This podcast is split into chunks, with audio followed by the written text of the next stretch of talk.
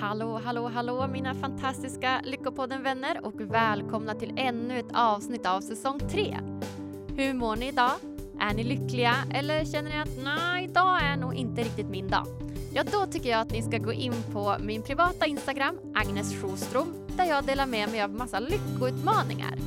De här lyckoutmaningarna är väldigt enkla att utföra och syftet är att ge er massa tips och tricks i vardagen på hur ni kan göra för att bli så lyckliga som möjligt. Ja, gå in där och eh, prova några stycken. De är väldigt, väldigt, väldigt bra. Idag pratar jag med Evelina Fredriksson, grundare av The Swedish Institute of Positive Psychology här i Sverige. Hon har länge pendlat fram och tillbaka från forskningsledande Philadelphia, USA, där hon har studerat i många år. Hon har dessutom bott i Colombia och arbetat som lärare och redan där började faktiskt Evelina implementera positiv psykologi i sin undervisning och hon såg tidigt skillnader. Idag pratar vi om kulturskillnader mellan Sverige, USA och Colombia. Är man lyckligare för att man kommer från ett rikt och välmående land? Vilka effekter har positiv psykologi egentligen visat? Och självklart får ni också ta del av massa tips och tricks på hur ni kan göra för att bli så lyckliga som möjligt. Ja, jag blev helt såld när jag pratade med Evelina första gången. Hon har verkligen en förmåga att göra obegripliga saker mycket, mycket lättare att förstå. Ja, är ni också intresserade av hur man kan använda positiv psykologi i livet, i arbetsplatser, i vardagen, mellan vänner? Ja, då tycker jag ni ska lyssna på det här avsnittet. Varsågoda!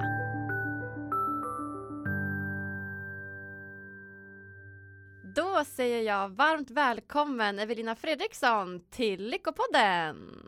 Tack så mycket! Roligt att vara här. Ja, vad kul att du ville komma och gästa oss. Hur är läget? Jo, det är bra. Dagen har börjat perfekt. Eh, jag har suttit och gjort lite research på kindness och vänlighet, så det var en väldigt inspirerande start på, på dagen. Ja, vad spännande! Jag läser ju också eh, psykologi och är ju så intresserad av allt med, som har med positiv och psykologi att göra. Och jag vet ju att du är ju grundare av The Swedish Institute of Positive Psychology. Ja, det stämmer. Och det här är ju ett ganska nytt institut. Vi öppnade i september förra året, så vi har ju bara varit igång här i Stockholm i några månader. Och det har varit väldigt intensivt och eh, superspännande verkligen. Ja, gud så himla kul! För jag kommer ihåg första gången som jag eh, kom i kontakt med dig var ju när jag på, var på en föreläsning med dig här för någon vecka sedan. Och jag tycker att allt du sa om positiv psykologi var så bra. Och dels då för att du kunde liksom säga det utifrån ett sånt sätt att man kunde verkligen applicera det på praktiska händelser eller organisationer och dels också att det hade så mycket teori i bakgrunden. Så det var verkligen så himla bra. Oh, tack! Och det, det, är ju många som tycker att just den här delen av positiv psykologi är väldigt tilltalande. Det bygger på vetenskap, men det är också så applicerbart. Och ibland är det de här sakerna som vi vet intuitivt eller av erfarenhet, att det också kan vara så otroligt skönt att få se, men vad finns det för forskningsstöd på att göra precis på det här sättet? Och att det här ja, men är en, en av de faktorer som gör att väldigt många människor dras till den här vetenskapen. Ja, så himla spännande, verkligen. Men jag tänker Evelina, för de som inte vet eh, vem du är, berätta. Jag har då grundat det här institutet i Stockholm som en, eh, ett sätt att ta det jag kan om positiv psykologi till Sverige och eh, jobba med svenska företag, organisationer och individer som vill lära sig mer och som vill använda det här i olika kontexter. Och min eh, bakgrund är att jag är utbildad i Philadelphia på University of Pennsylvania där eh, en person som heter Martin Seligman har ett centrum för positiv psykologi Seligman sa du. Är det han som är citerad i, i de här böckerna? För jag läser ju positiv psykologi och jag ser ofta att det står Seligman där efter uh, meningarna. Är det han som du har jobbat med? Ja, precis. Och okay. han är ju den som, som har grundat eh, fältet positiv psykologi. Så för 20 år sedan så satt han som president för amerikanska psykologförbundet och mm. uttalade då ett behov av att studera det som han tyckte att psykologin hade ägnat för lite uppmärksamhet. Och det är då positiva upplevelser, individuella talanger och styrkor och fungerande organisationer. Så de här tre sakerna blev då pelarna i den positiva psykologin och det växte och blev ett större och större forskningsfält. Det är också väldigt roligt att det kommer just från honom som är en av världens främsta experter på just depression. Han har forskat kring hjälplöshet och eh, många olika fruktansvärda psykologiska fenomen som han har ägnat eh, stor del av sin karriär åt att titta på. Och att det är just eh, i Philadelphia på UPenn som är det universitet i USA som först hade psykologi överhuvudtaget. Så det bygger på en väldigt traditionstung forskning och det är så djupt eh, förankrat i den traditionella psykologin och sen taget eh, till, till någonting nytt i det här centrumet som han byggde upp och i den forskning som har samlats kring hans idéer och kring hans eh, motivation att titta, titta mer på det som gör livet allra mest värt att leva, på det som kan gå rätt med det mänskliga psyket och det som gör att vi presterar på topp. Ja men så spännande. Det känns som att han kommer vara en sån här person som man kommer läsa om i historieböckerna som typ Freud och de här gamla godingarna. ja men absolut, han har ju, han har ju gjort ett, ett stort eh, intryck och att bara, psykologin har ju men har funnits i hundra år, man har lärt sig otroligt viktiga saker om eh, mänskligt lidande och att ta det här steget, att titta på det som som kan gå rätt. Att jag tror att det kommer att vara en avgörande punkt på, på väldigt lång sikt. Så det som jag har gjort är att jag har gått en utbildning som kallas för Master of Applied Positive Psychology. Och just det här applied benet i det här är ju väldigt viktigt. Att det här har varit... Alltså tillämpa använda. Exakt. Ja. Och de människor som har varit i det här programmet har ju också kommit från helt olika sektorer. Det finns människor som jobbar inom skola, inom corporate America, inom olika myndigheter, rättsväsende och så vidare. Och sen som kommer då samman i de här, eh, i de här programmen och lär sig eh, hur kan vi använda positiv psykologi för att göra våra eh, yrken bättre och göra mer där, där vi brinner som mest. Ja, vad härligt. Ja, alltså det känner jag också. Jag går igång på det. Jag blir också jättetaggad på att kunna fokusera på det som är bra och våra styrkor i just arbetsplatser och i vardagliga livet och egentligen hela tiden. Ja, absolut. Och just det här att psykologi är inte bara någonting som behövs i terapirummet utan att det kan användas i en rad olika sammanhang och att det kan vara just det här som du säger, det här fokuset på det som faktiskt går rätt och det som går bra.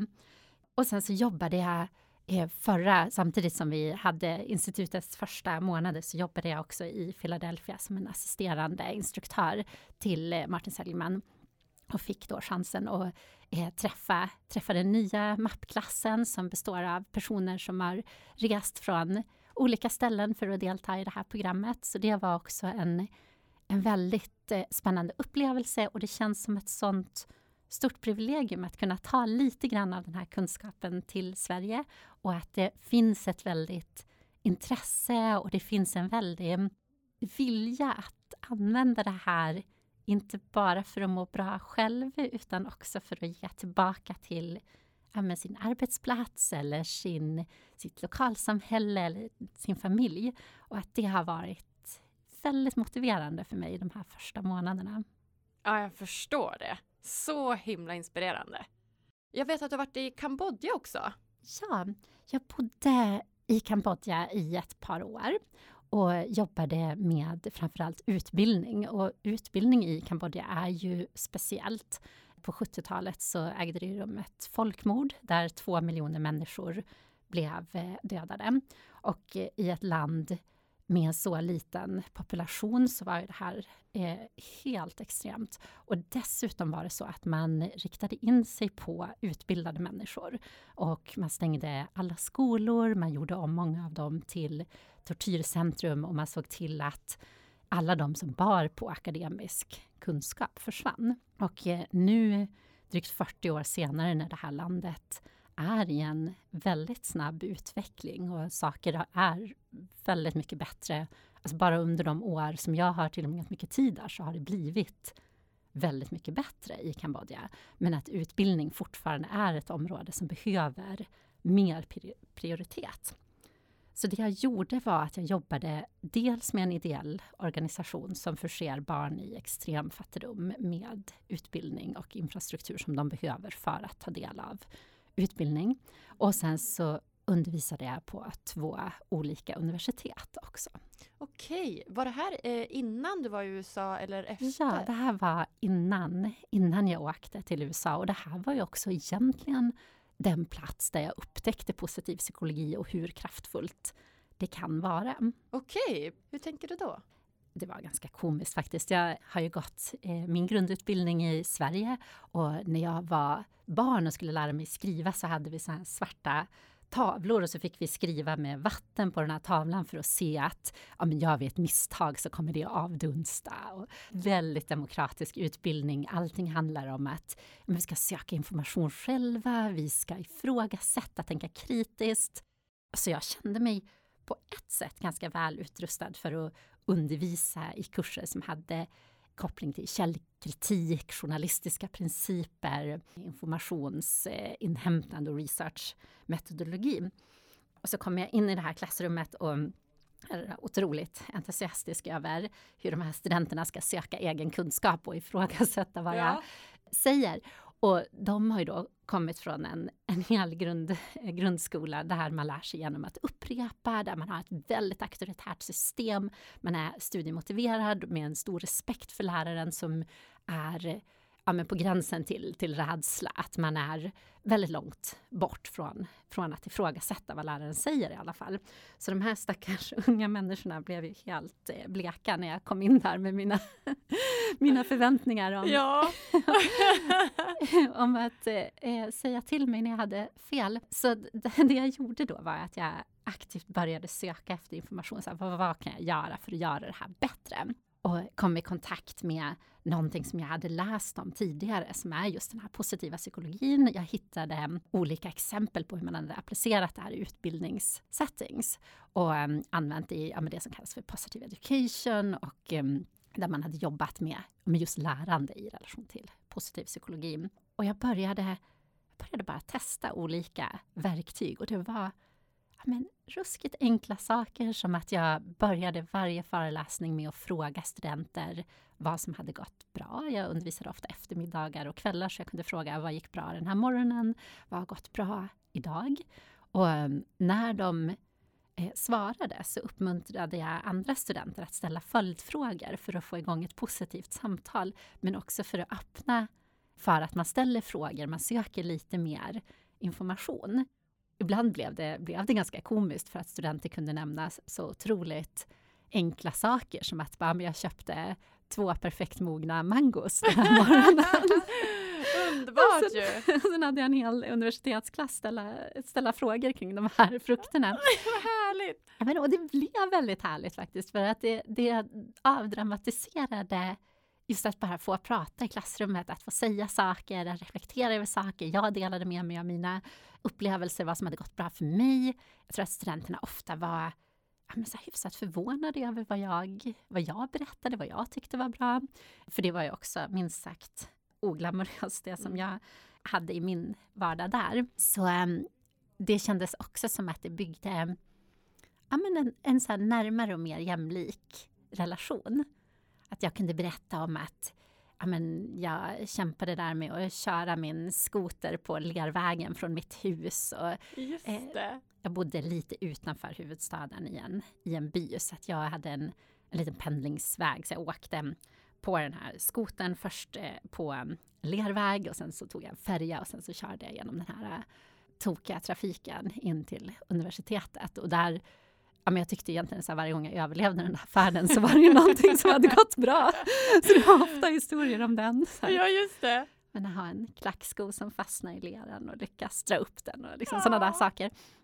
Så att det, det blev eh, det är en väldigt, väldigt enkel grej, men det hade effekt. Och sen så utvecklade jag det här såklart och gjorde mer, mer systematiska grejer. Vi har till exempel någonting som heter via Character Strength Finders som är ett verktyg för att identifiera sina individuella styrkor. Eh, det här jobbade vi med tillsammans med studenterna. De fick ta det här testet, de fick prata om sina styrkor, hur de kunde använda dem för att lära sig mer. Framförallt hur de kunde använda dem när de skrev sina uppsatser så var det jättebra att de skulle visa för mig hur de använder sina individuella styrkor för att skriva bättre papper. För då kommer man åt frågan om plagiat på ett mycket mer positivt sätt. Det är ett jätteproblem i Kambodja att det plagieras väldigt mycket. Det okay. kommer från ambition. Studenterna vill inte lämna in papper med felstavningar och den här typen av misstag. Men det blir ju inte så meningsfullt som lärande. Så där, där blev just det här med kopplingen, så här, men visa mig hur du använder dina styrkor istället för att bestraffa och säga att det här är fel. För det skulle ju satt tillbaks mig på en, en nollpunkt där vi igen upprättar en för hierarkisk relation och där vi gör någonting som inte är positivt för lärande och utveckling. Men gud vad spännande! Det känns som att det här skulle man kunna implementera hur mycket som helst överallt. Kunde du se någon eh, tydlig skillnad? Ja, och jag ska verkligen inte överdriva hur, hur bra resultat jag hade på allting.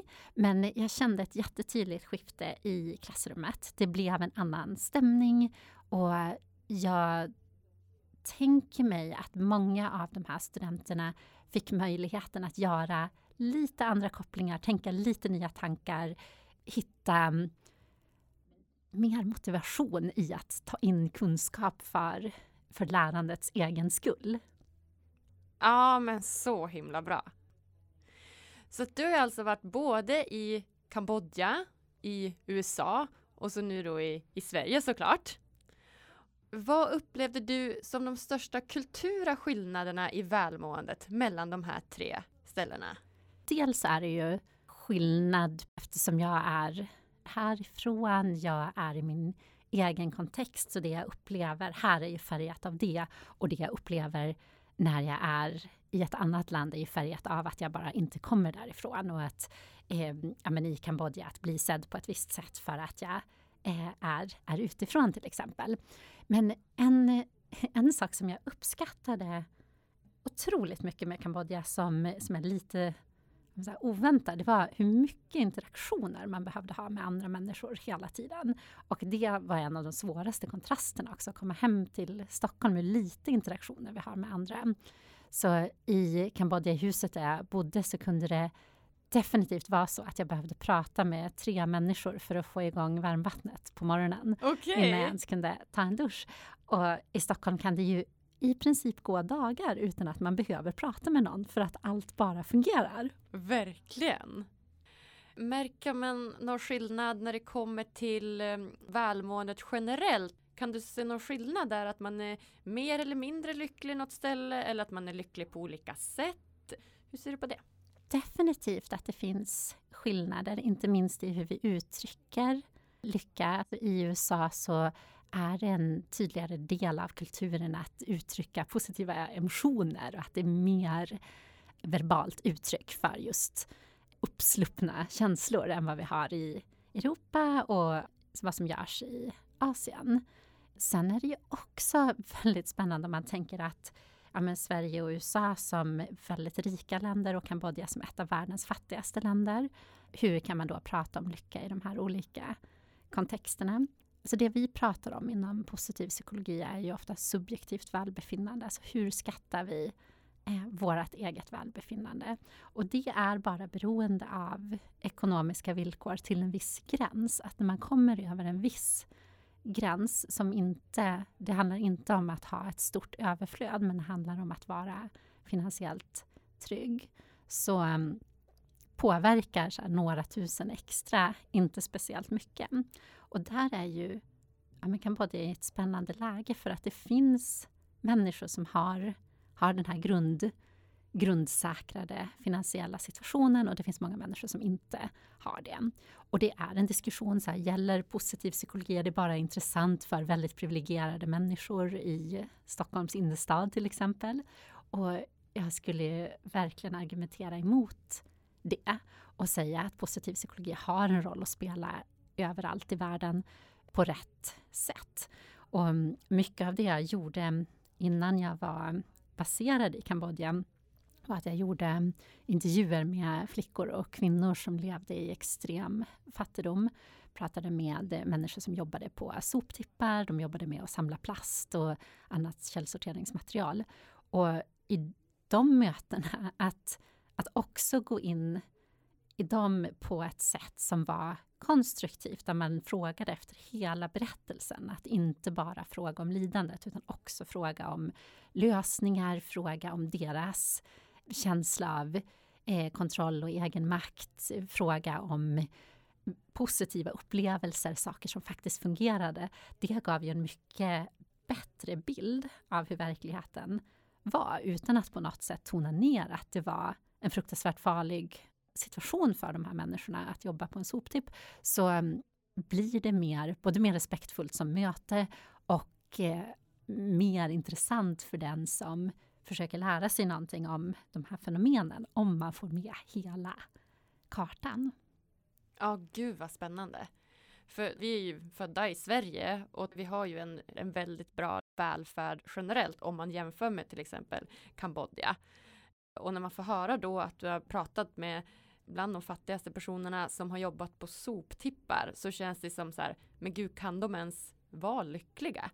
Det jag tänker i när jag jobbar, det är något som kallas för PERMA-modellen.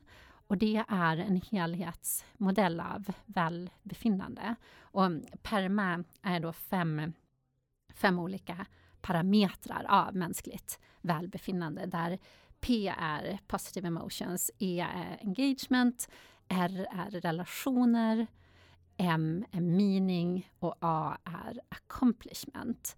Och när en människa har upplevelse av alla de här olika sakerna, då har hon en nivå av eh, välbefinnande. Så går vi tillbaka till de här människorna som lever på en soptipp, så mm, ja, men, positive emotions, var är deras positiva känslor? Det är ju definitivt inte så att det saknas. Det är klart att de har eh, positiva upplevelser ja. av Eh, jag träffade en flicka som var väldigt intresserad av att sjunga till exempel. Så när hon sjöng med sina kompisar så hade hon ju definitivt de här eh, positiva känslorna. Relationer är ju såklart också hela tiden eh, närvarande. Eh, man har positiva relationer till familj, vänner, andra människor. Det är ju någonting som inte försvinner för att en människa lever i en sårbar situation. Sen däremot så kan man ju fundera på ja, men hur blir det då med känslan av att livet är meningsfullt till exempel? Och där är mening, det låter så lätt väldigt mystiskt att man pratar om så meningen med livet. Och jag brukar tänka mening i livet. Och där kan man fundera på, men hur blir, hur blir det? Hur skapar man det? Så, men man använder sina styrkor för att uppnå ett högre syfte, någonting som är viktigt för en. Och att det är klart att de här människorna också har den typen av upplevelser, att man lyckas skaffa sig tillräckligt med pengar för att köpa mat till sin familj till exempel. Man kanske lyckas ta steg för att komma bort från den här situationen, ta steg mot utbildning eller skicka sina barn till utbildning. Så den här modellen är lätt lättare för mig att använda när jag reflekterar över kulturella skillnader i, i hur människor mår än lycka. Så att vi skiljer lite grann på lycka som en emotion här och välmående som är ett tillstånd egentligen. Ja, men det är ju definitivt ett, ett sätt att säga det. Och, och just liksom den här modellen av att det är så många olika saker som måste till för att vi ska må bra och uppleva livet som meningsfullt. Ja. Och då tänker man att den här PERMA-modellen då kan användas även i USA såklart. Absolut, så den är ju eh, definitivt applicerbar överallt. Vad är egentligen positiv psykologi och vad är skillnaden på traditionell psykologi och positiv psykologi? Ja, så eh, positiv psykologi som jag jobbar med det, är en vetenskap och en praktik som handlar om eh, människors välbefinnande, positiva upplevelser, talanger, styrkor, fungerande organisationer. Och den traditionella eh, psykologin har varit väldigt fokuserad kring mentalt lidande i, i olika former. Och sen så är det ju, det är också en sån här fråga som jag får ofta. Det är så här, men är du alltid positiv? Och, ja, exakt. Äh, är, du, är du alltid... Är du den gladaste personen som finns nu? Precis, den, den typen av frågor. Och det alla, alla som känner mig vet ju att så, så är det inte. Nej. Men det som är kul med positiv psykologi är att man har studerat just den typen av saker. Ja, men positivt tänkande. Men vad är positivt tänkande då? Så är det bra att tänka positivt? Och så har man kunnat komma fram till att säga, nej men det, det är inte särskilt bra att alltid tänka positivt. Okay. Och att, att man studerar den typen av positiva frågor betyder ju inte alltid att slutsatsen blir att så här, jo men ge oss mer av allt som är lite glittrigt och glatt. Ja men precis. Så när det gäller positivt tänkande till exempel så, ehm, så är ju det jättestarkt som behov för oss, att vi vill ha positiva tankar om framtiden och hur det ska gå. Men om vi inte klarar av att göra en plan och en strategi för att ta oss dit, eller om vi inte klarar av att sätta det här i kontrast till verkliga hinder som finns på vägen, så kommer vi aldrig ta oss dit, utan då kommer vi bara vara i den här positiva framtidsfantasin och det kan ju vara superdestruktivt. Ja, men exakt. För det känns ju som att om man ska dra det till sin extrem, att man bara ska fokusera på det positiva och det finns inget negativt och världen är bara glitter och glamour hela tiden. Men riktigt så är det alltså inte. Nej, alltså långt ifrån. Jag tycker snarare att positiv psykologi blir ett verktyg för att se verkligheten på ett mer balanserat sätt. Att eh, ta in både det som går bra och det som går mindre bra. Och ehm, ja, men just i, i en arbetskontext eh, till exempel. Att det är ju jätteviktigt att jag gör korrekta riskbedömningar, att jag ser att saker kommer att kräva en stor ansträngning till exempel. Att jag behöver jobba hårt för att uppnå någonting. Samtidigt är det också jätteviktigt att jag har uppmärksamhet mot positiva saker och kanske framförallt att jag uppmärksammar vad gör mina kollegor som är bra? Vad, vad gör de som hjälper mig på jobbet? Vad gör de som tar det här bolaget framåt? Ja, ja men verkligen, vad spännande. Jag vet också att just fältet positiv psykologi är ju ganska nytt. Det är du nu som sitter här ändå som är grundare till det första institutet här i Sverige. Varför tror du att liksom positiv psykologi är så nytt? Varför har inte det funnits lika länge som den traditionella psykologin? Jag tror att man har upplevt behovet som mindre pressande. Att eh, de eh, problem, de eh, problem som människor kan ha med mental hälsa och liknande har bara varit väldigt akuta. Man har behövt åtgärda det här. Det är också naturligt att ha mer uppmärksamhet mot det som är negativt. Så negativity bias är ju ett, ett evolutionärt orsakat koncept. Att det är så vi som art har överlevt. Vi har förutsatt att ja, men här är det någonting dåligt, vi måste akta oss. Det är så vi har men undvikit att bli uppätna av vilda djur och vi har kunnat undvika faror genom att vara väldigt beredda på att här kan det komma någonting farligt. Det behöver vi ta tag i. De människorna som, som hade positiva förväntningar och trodde att saker inte skulle vara så farligt, de kanske råkade ut för fler olyckor. De klarade sig inte lika bra i den här hårdare världen som, som vi som art har blivit till i. Men det är ju inte det är ju inte längre rationella reaktioner på saker. Alltså vi reagerar på mejl som om det var tigrar som hoppade ut ur datorn. Ja. Och vi, eh, vi har liksom sådana enorma adrenalinpåslag av att någon pekar ut att jag har stavat fel eller vad det nu kan vara. Och där behöver vi ställa om för att få en mer, en mer rationell syn på bara, men vad, vad är det som faktiskt har hänt. Ja men verkligen. Så att egentligen kan man säga att det är evolutionen som har gjort att vi har hela tiden lite fokus på det som är lite negativt, lite farligt och så. Ja, ja absolut. Det tar, det tar över vår uppmärksamhet väldigt lätt. Ja, just det. Går det att lära om hjärnan så att man börjar se allting lite mer positivt? Ja, du kan träna hjärnan för att ha mer uppmärksamhet mot det positiva. Och det är ju inte att vi vill ha det i varje situation. Det finns ju situationer som är negativa som vi behöver se.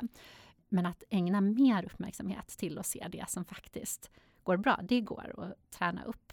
Och där är just tacksamhetsbegreppet jätteviktigt. Och tacksamhet kan man ju definiera som den psykologiska responsen på att vi har tjänat på någonting som någon annan har gjort.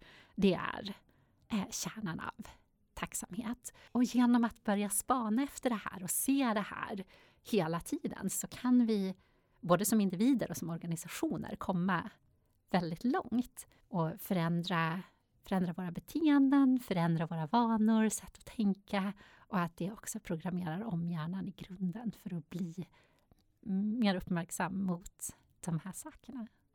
Ja, oh, gud vad spännande! Så att tacksamhet är då en nyckel till att bli lite mer positiv? Ja, tacksamhet är en, en jätteviktig nyckel, både till det och till bättre samarbeten på jobbet till exempel. Mycket av det som, som jag har studerat kretsar kring narcissism och tacksamhet. Och då tänker jag mig att narcissism är motsatsen till tacksamhet för att det är en väldigt inåtskådande känsla. Att jag är väldigt självupptagen, jag tycker att det jag gör är, är det viktigaste. Och narcissism kommer ju från den här myten om Narcissus som blev kär i sin spegelbild. Jaha, okej! Okay. Narcissus eh, drog omkring och det var både män och kvinnor som blev förälskade i den här mannen och han besvarade aldrig någons kärlek förrän han såg den, den vackraste man han någonsin hade sett i en spegelblank eh, damm. Okay. Så att han tittade liksom på sin egen spegelbild. Han satt där i dagar och jag tror att det slutade med att han dog på kuppen för att han varken åt eller drack eller fick någon, någon kärlek tillbaka från den här spegeln. Så det är ju därifrån ordet narcissism kommer. Eh, sen är det med i manualen över psykiska sjukdomar, DSM, är eh, som en personlighetsstörning, narcissism. Men sen är det ju också eh, det finns på ett spektra, det finns attityder, narcissistiska attityder och tendenser i icke-kliniska populationer. Så att du kan på en vanlig arbetsplats ha en kultur som är mer narcissistisk och självupptagen eller en kultur som är mer utåtriktad och tacksam. Och ett sätt att förklara det här, ett, liksom ett vardaglig, en vardaglig applikation kan vara att om du har en en kultur som är väldigt självupptagen på din arbetsplats. Och sen så har du jobbat hårt med någonting, du har skrivit en rapport, en kollega ringer, det är fredag eftermiddag och du är på väg hem. Och så ringer kollegan och säger att ja, men du har ett stavfel i rubriken på sidan 48. Då kan jag ju ta väldigt illa upp om jag har den narcissistiska kärnan. Jag eh, tänker att den här kollegan gör det här för att sätta dit mig, att den här kollegan kanske är avundsjuk på någonting jag har gjort. Eh, och jag känner mig arg och jag lägger på och jag låter stavfelet stå kvar precis som det var. Har jag istället en tacksam organisation och en kultur där vi är duktiga på att uppmärksamma vad andra människor gör för oss, så kanske min reaktion istället blir att jag inte börjar attribuera speciellt mycket. Jag gissar inte intentionen, utan jag tänker bara att så, ja, men, kollegan kan stava, kollegan ringde mig, och sen kanske jag kommer till en känsla av tacksamhet. Ja, men 48 sidor, det var ju långt att läsa och det gjorde hon ändå. Så tog hon sig tid att ringa, var snällt. Och så rättade jag stavfelet. Och det ger ju så många positiva effekter, både en bättre produkt i den här rättstavade rapporten. Eh, det ger en bättre relation mellan mig och kollegan och det ger ett bättre samarbete överlag på det här företaget där folk inte går runt och hyser agg mot varandra. Ja, vilket bra exempel. För det känns som att det kan vara ganska vanligt. Absolut, och egentligen så behöver det behöver inte alltid spela så stor roll. Det kan ju vara så att den här kollegan faktiskt ringde för att sätta dit mig och få mig att känna mig dålig. Det kanske var uppsåtet, men det behöver ju inte jag ta hänsyn till. Jag kan ju tänka på vad det gav för positivt istället och så kan jag ignorera det här uppsåtet och sen så gör jag eh, det här till någonting som blir bra för mig istället. Ja men verkligen. Så det spelar egentligen ingen roll vad min kollega har för agenda, utan det är jag som person som väljer hur jag vill ta emot det. I det exempel som jag tänkte mig så bara definitivt. Sen så finns det ju destruktiva arbetskulturer och man kan ju ha kollegor som gör saker där vi behöver gå en annan väg och sätta gränser eller ta hjälp av andra för att sätta gränser. Men det är definitivt ett sätt att hantera rätt mycket av eh, de motgångar som vi har i vardagen, är att gå, gå mot dem med tacksamhet se vad, vad tjänar jag på vad andra människor gör här eh, och hur kan jag göra någonting konstruktivt av det. Ja, vad spännande. Det låter som att du är eh, mycket inriktad på organisationer och företag. Kan du berätta, hur jobbar du idag på institutionen? Ja, eh, det vi gör är ju att vi utbildar både företag och enskilda och gör anpassade projekt där vi tittar på företags egna data och vad man har för utmaningar och möjligheter framåt. Och det som, som har fått ganska mycket uppmärksamhet är just det här ja, selfiekultur på jobbet. Är vi för egocentriska? Och hela den här diskussionen kring narcissism. Att det finns ett väldigt sug hos företag att lära sig ja, men hur kan vi skapa bättre samarbeten? Hur kan vi luta den typen av beslut på vetenskaplig forskning? Hur kan vi göra det här på ett sätt som skiftar människors beteenden och vanor på ett sätt som blir konstruktivt? Och ehm, i det här så ehm, att få kunskapen är ju bara en, det är bara en del. Men att när man väl har den på plats och det är så tilltalande också med positiv psykologi att den är designad för att vi ska kunna få insikten och lärdomen och sen så ska vi kunna göra någonting konkret i vår egen vardag. Och att det här handlar i stort sett alltid om att bygga andra vanor. Det tar så mycket energi att ta nya beslut i varje situation. Om jag måste tänka så här, hur ska jag reagera? Ska jag bli arg eller ska jag bli tacksam? Så det, det tar för mycket kapacitet, så vi behöver bara etablera vanor och beteendemönster som vi håller oss till och, och fortsätter att göra. Men vad härligt! Så etablera nya vanor och mönster i en positiv anda. Ja, ja men så kan man eh, beskriva det. Hur gör du för att liksom hjälpa dem då att faktiskt uppnå den här positiva tänkandet och den här vanan som de ska få? Där är ju den, den stora utmaningen. För att det här är ju någonting som inte går att göra åt någon annan. Utan att det kräver ett jättestort commitment från personer som ska genomgå förändringar. Och det behöver inte handla om att det är ett commitment i tid eller energi eller någonting extra som ska adderas på arbetsbördan. Men man behöver förbinda sig till en nyfikenhet på nya sätt att hantera saker och situationer. Man behöver ha en genuin vilja att få nya erfarenheter på jobbet. Man måste vilja utmana sig själv att eh, göra på något sätt som man inte alltid har gjort. Ja, verkligen. Något, något nytt och vara öppen för att faktiskt prova någonting nytt kanske. Ja, men precis. Och också vara ödmjuk inför att ja, men det här går inte att fixa i ett andetag. Och det är precis samma sak för mig att jag föreläser om de här sakerna. Jag föreläser bland annat om hur vi ska mm, reagera på andra människors goda nyheter. Det här är ett ganska spännande fält som handlar om mm, att vi behöver, vi behöver vara där för människor när det går rätt för dem, inte bara när det går fel. Det är lika viktigt att vara, vara där och fira som det är att vara där och stötta. För det är så vi bygger relationer. Och det är så vi lär oss att tycka om andra människor är när vi får, får dela deras glädje, vi får vara i ett, ett sammanhang där saker har gått bra. Och trots att jag gör det här så det händer ju så ofta att jag gör precis de misstag som jag säger när jag föreläser att man inte ska göra.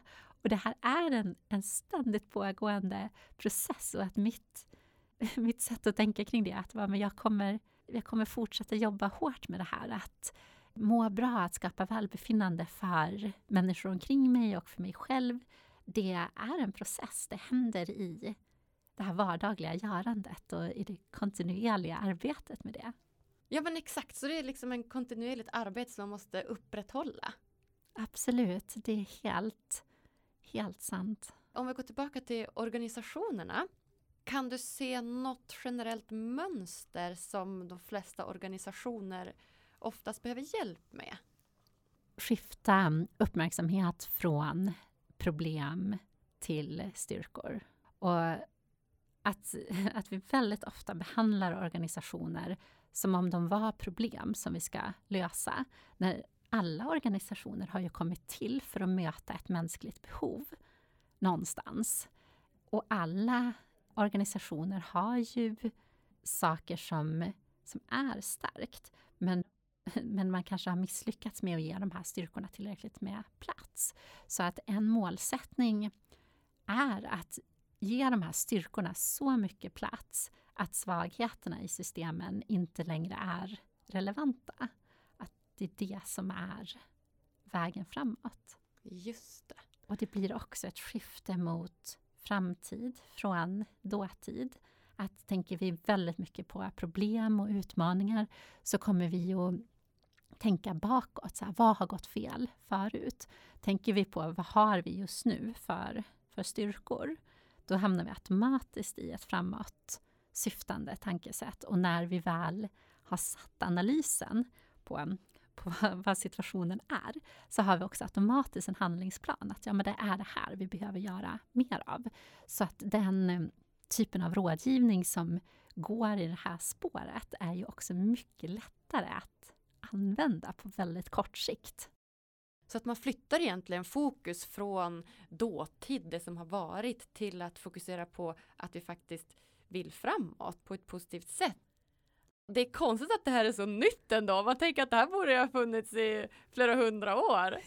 ja, men lite, lite både och. Alltså hela den här, det här styrkebaserade ledarskapet och att använda det i organisationer. Det är också någonting som Peter Drucker har skrivit om, som är en av de mest eh, erkända managementkonsulterna som har fått enormt mycket uppmärksamhet och att han är, han är en jättebra kompis till positiv psykologi för att han har sagt precis de här sakerna att ja, men ledarens uppdrag är att se till att styrkor är bra matchade mot varandra. Han har sagt saker i stil med det som jag just pratade om att bara kan vi ge styrkorna så mycket utrymme att svagheterna blir irrelevanta så har vi kommit långt. Så att det finns, det finns definitivt saker att bygga vidare på inom en massa olika kunskapsfält och att det inte bara psykologin som är en relevant kunskapskälla utan det finns inom management, det finns inom en rad olika eh, kunskapsfält. Så mycket att hämta. Så man ska fokusera på styrkorna så pass mycket så förhoppningsvis svagheterna försvinner. Ja, eller i vart fall inte blir lika avgörande för hur det går för oss. Just det.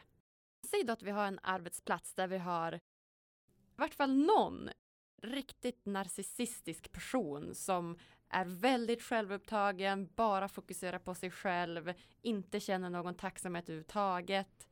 Hur gör man för att hantera en sån person? Det kan ju finnas olika, olika vägar beroende på vad man har för behov av att samarbeta med just den här, den här kollegan. Men att ett sätt är ju att försöka undvika att lägga så mycket energi på att attribuera och förklara den här människans beteenden. Utan se att ja, men är, det här den, är det här personen som ringer upp dig varje fredag och pratar om stavfel? Så här, betrakta det som ett perfekt rättstavningsprogram och så här, känn tacksamhet för det och ignorera resten. Eller behöver du jobba närmare den här människan och vara mer i, i den här personens närhet. Bara titta efter bara, men vad, har den, vad har den här personen för styrkor? Kan du ta kontroll över samtalet och situationen genom att hitta det som den här människan gör bra, bekräfta det, spegla det och uppmuntra den människan att göra mer av det som den faktiskt gör bra. Så att gräva fram den här lilla positiva eh, blinken som den här människan kanske har och så framhäva den. Ja, och jag är helt säker på att alla människor har någonting att bidra med och i rätt förutsättningar så gör vi det. Kan det komma någon gång till någon slags gräns att man kanske säger ifrån eller att man tar och pratar med den här personen och hur, hur pratar man då med den här personen på ett bra sätt för att den ska förstå att det här beteendet att ringa mig varje fredagkväll och prata om stavning, det är inte okej. Okay. ja, ja, alltså absolut. Och jag tror jättemycket, alltså jättemycket av mänskligt lidande skulle bli bättre om vi var snabbare på att göra precis det som du just sa. Och att sätta gränser, att eh, när vi behöver ta hjälp av andra att sätta gränser. Och också, också den här äh, medvetenheten om att det spelar ju roll var i hierarkin den här människan är, bara det finns maktordningar som påverkar hur mycket vi vågar och kan säga ifrån. Men att karva ut ett utrymme som vi behöver där vi känner att vi är eh, ärliga mot oss själva är ju jätteviktigt. Sen är det ju att det kan ju vara jättesvårt att sätta gränser mot människor och man kanske vet att den här människan kommer reagera starkt och negativt. Då kan man ju tänka på vad har jag för, för egna styrkor att använda för att ta i det här obehaget. Mm. Att har du till exempel, du kanske har styrkan av ärlighet, att det här är någonting du kan hämta kraft ifrån och att det är viktigt för dig att säga precis hur, hur det här får dig att känna dig eller vad det här får för konsekvenser. Eller så har du en, en styrka av teamwork så kan det vara viktigt för dig att använda det i det här samtalet. Ja, men hur, eh, hur ska vi få det här mot ett samarbete så här, där vi är ett vi istället för två personer i konflikt? Då kan det vara eh, ingången på det. Kanske också att det vore skönt om människor fick bara benämna vad det är som händer. Att vi eh, inte behöver eh, linda in de här sakerna. Vi behöver inte kanske ta ett långt möte med någon tredje person där vi sitter och diskuterar det här negativa, utan att ganska snabbt spegla tillbaka. Att så här, ja, men nu, nu gör du det här. Och eh, det skulle jag vilja be dig sluta med. Ja, det behöver inte vara svårare än så. Men kanske. Och bara där, jag har, jag har lång väg kvar här och mycket att lära mig. För de här snabba reaktionerna och, och eh, enkla kommunikationen. Ja men för oftast känns det som att man du vet sitter och håller på det lite grann och så blir man irriterad i sig själv och så gör upprepar personen det här beteendet så blir man ännu mer irriterad och så till slut är det som att man nästan exploderar på varandra. Ja precis och då blir samtalet ännu, ännu svårare än vad det hade behövt vara från början. Ja men verkligen.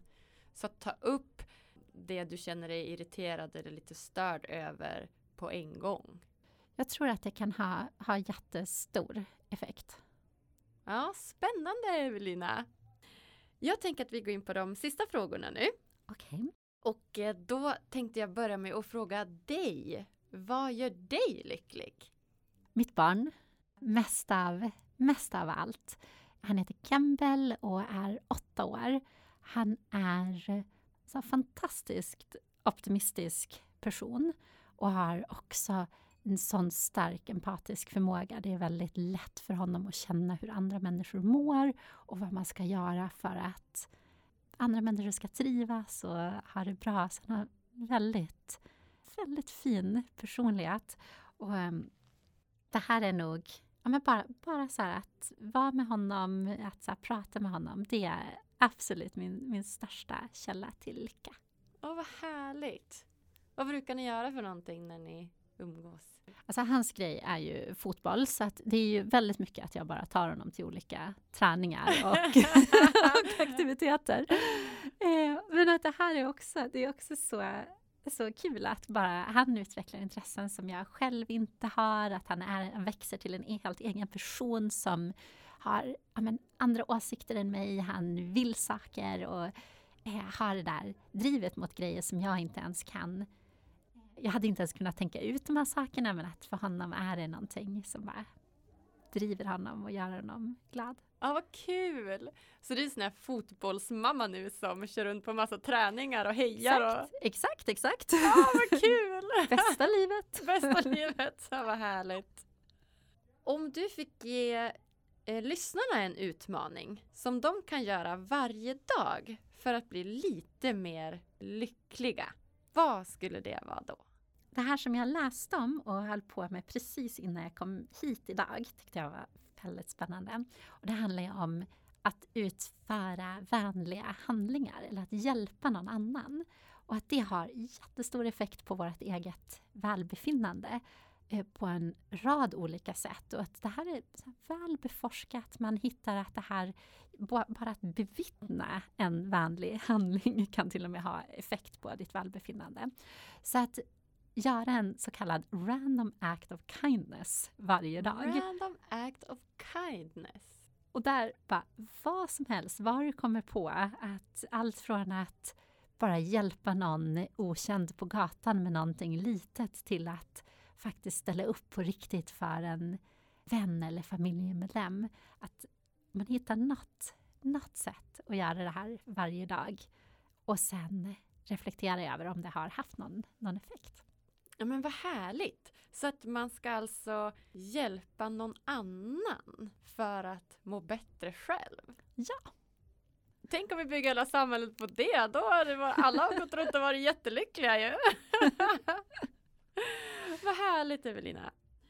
Om du fick välja, vem hade du velat skulle gästa Lyckopodden? Jag skulle tycka att ett, ett ämne som skulle vara väldigt spännande i Lyckopodden är eh, sorg. Så hur hanterar vi förlust och sorg i relation till lycka? Så jag skulle tycka att det var väldigt spännande med en begravningsentreprenör. Är det de som pratar med människor i sorg? Eller är det en människa som jobbar inom palliativ vård eller en präst eller någon som har ett spännande perspektiv på sorg. Oh, gud vilken bra idé! En präst eller alltså en begravningsentreprenör? jag vet inte, heter de så? Men de som jobbar med... jag vet inte heller, jag får bara researcha. Tack snälla Evelina för att du kom och gästade oss här på Lyckopodden. Tack så mycket, jätteroligt att vara här. Ja, hur bra var inte det här hörni? Jag tycker Evelina är så inspirerande och var så intressant att höra allt hon hade att säga om positiv psykologi, organisationer, hur man implementerar det i arbetslivet och så vidare. Tycker ni det här var lika bra som jag? Så prenumerera gärna på Lyckopodden och ge oss tummen upp. Följ oss på sociala medier, där heter vi Lyckopodden och finns på både Instagram, Facebook, LinkedIn och så vidare och så vidare. Tack snälla för att just du lyssnar. Ha det jättebra. Hej då!